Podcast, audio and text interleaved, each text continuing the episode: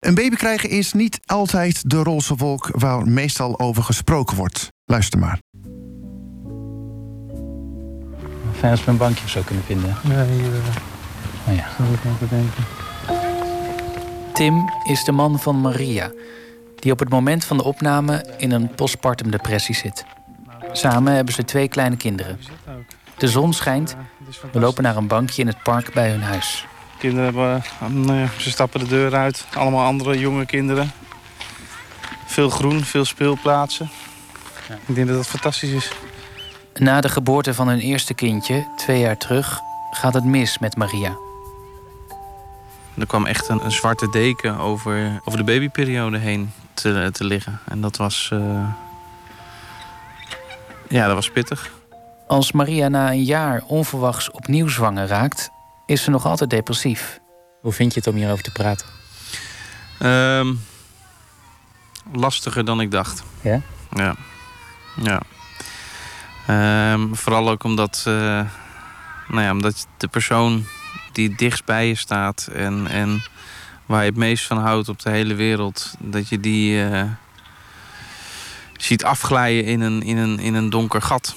Nou, ik omschrijf het zelf altijd als drijfzand. Hè? Je, je, ziet iemand wegzakken en, en je steekt een hand uit en je probeert met alle kracht probeer je eruit te trekken. Maar het resultaat is dat je zelf ook steeds verder wegzakt. En dat, eh, ja, dat is pittig en confronterend. Ja, het is slechts één van de verhalen van liefst 10% van de vrouwen die na de bevalling te maken krijgen met psychische problemen. Dit is helaas nog een taboe. En daarom verschijnt 12 april de podcast Zwarte Muisjes, waarvan je dus net een fragment hoorde. Ik praat erover met Maria, de vrouw van Tim uit het fragment. En later in deze uitzending spreek ik met Maarten Dallinga, die de podcast gemaakt heeft. Maria, goedemorgen. Goedemorgen. Ja, we hoorden je man Tim net vertellen dat je in een postpartum depressie kwam. Wat is dit precies? Ja, postpartum depressie is, ehm, zijn klachten die eigenlijk optreden na de bevalling. Ehm, nu had ik ook al wel wat depressieve klachten tijdens mijn zwangerschap, maar dat noem je dan weer een, ja, een prenatale eh, depressie. Ehm, als ik even over mezelf spreek, is het met name, ja, wordt het wel getriggerd door hormonen. Mhm. Ehm, en uiteraard ook wel wat andere factoren. Dus ja, Ja, vaak, vaak bij vrouwen die de lat heel hoog leggen voor zichzelf. Nou, dan denk je wel extra risico eh, loopt. Dus allemaal Ja, heel goed dus, wil eh, doen. En, eigenlijk ook een beetje combinatie als ik jou zo hoor. Dus, eh, Ja. ja. ja, zeker. Ja. Hoe, hoe gaat het nu met je? En nu gaat het eigenlijk best wel goed.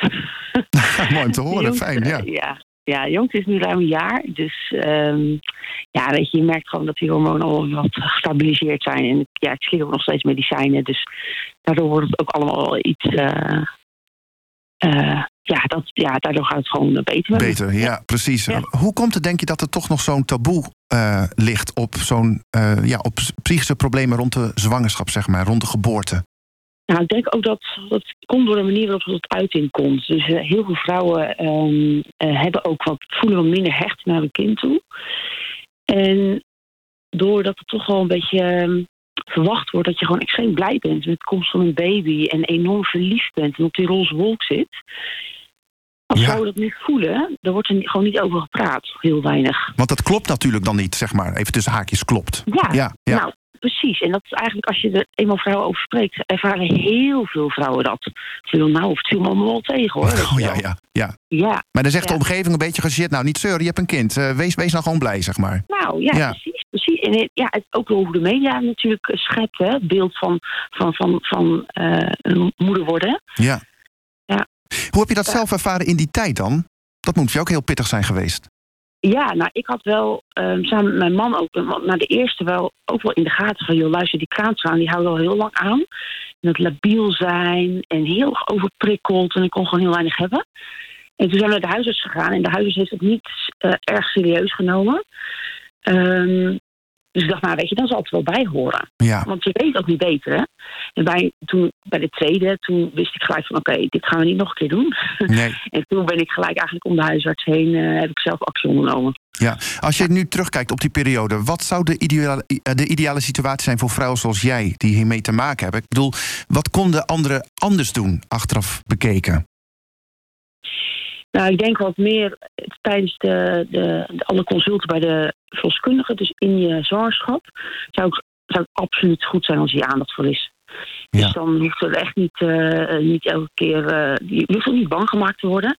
Maar ik bedoel, je bent ook een, in totaal wel een uur bezig met het maken van een bevallingsplan. Waarom niet een plan qua wensen voor de tijd dat de baby er is? Heel goed, ja. Een soort, ja, soort voor een vierde trimester plan eigenlijk. ja. Ja. Het verhaal van onder meer Maria staat centraal in een nieuwe podcastserie Zwarte Muisjes. Vanaf maandag 12 april verschijnt iedere week een nieuwe aflevering. En straks dan spreek ik met Maarten, de podcastmaker. Maria, dankjewel voor dit gesprek.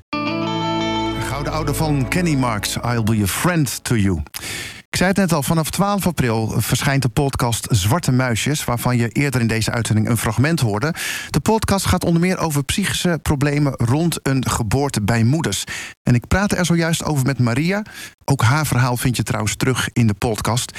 Nu aan de telefoon is Maarten Dallinga die de podcast gemaakt heeft. Maarten, goedemorgen. Ronald, goedemorgen. Ja, we hoorden net het verhaal van Maria. Heftig verhaal. Hoe komt het dat hier toch zo'n taboe op is nog steeds? Ja, de, de, de podcast heet niet voor niets eh, Zwarte Muisjes. Het eh, eh, refereert natuurlijk aan de muisjes, de beschuitend muisjes die je krijgt als je op kraamvisite gaat. Het is een vrolijke gebeurtenis, doorgaans. Met dan wel roze, dan blauwe, witte muisjes. Ja. Ehm, maar ja, soms, soms zouden er misschien beter zwarte muisjes geserveerd kunnen worden. Want het is gewoon niet altijd leuk. Maar ehm, dat het niet altijd leuk is, dat, dat komt in de meeste mensen niet op. Nee. Ehm, dat is niet iets wat hoort. Eh, Sanne, de eh, hoofdpersoon uit Zwarte Muisjes, die zegt op een gegeven moment ook heel mooi: eh, ja, het, het moet allemaal fantastisch zijn. Ja. Het moet geweldig zijn. Je, je, moet, het, je moet ervan genieten. Van de zwangerschap en, en, en van, van de bevalling misschien ook wel. En, en van, van de kraamtijd.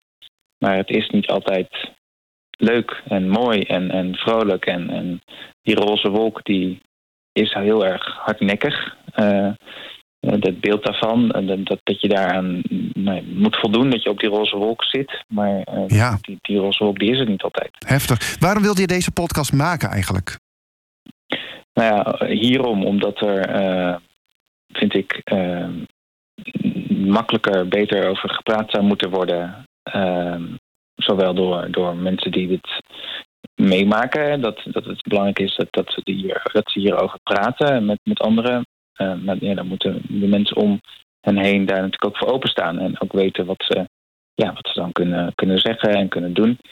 Ja, En ik vind het ook belangrijk dat, dat zei Maria ook al een beetje, dat, dat professionals hier aandacht voor hebben. ja. Ten slotte heel kort nog even dit. Je hebt voor de podcast ook met hulpverleners gesproken.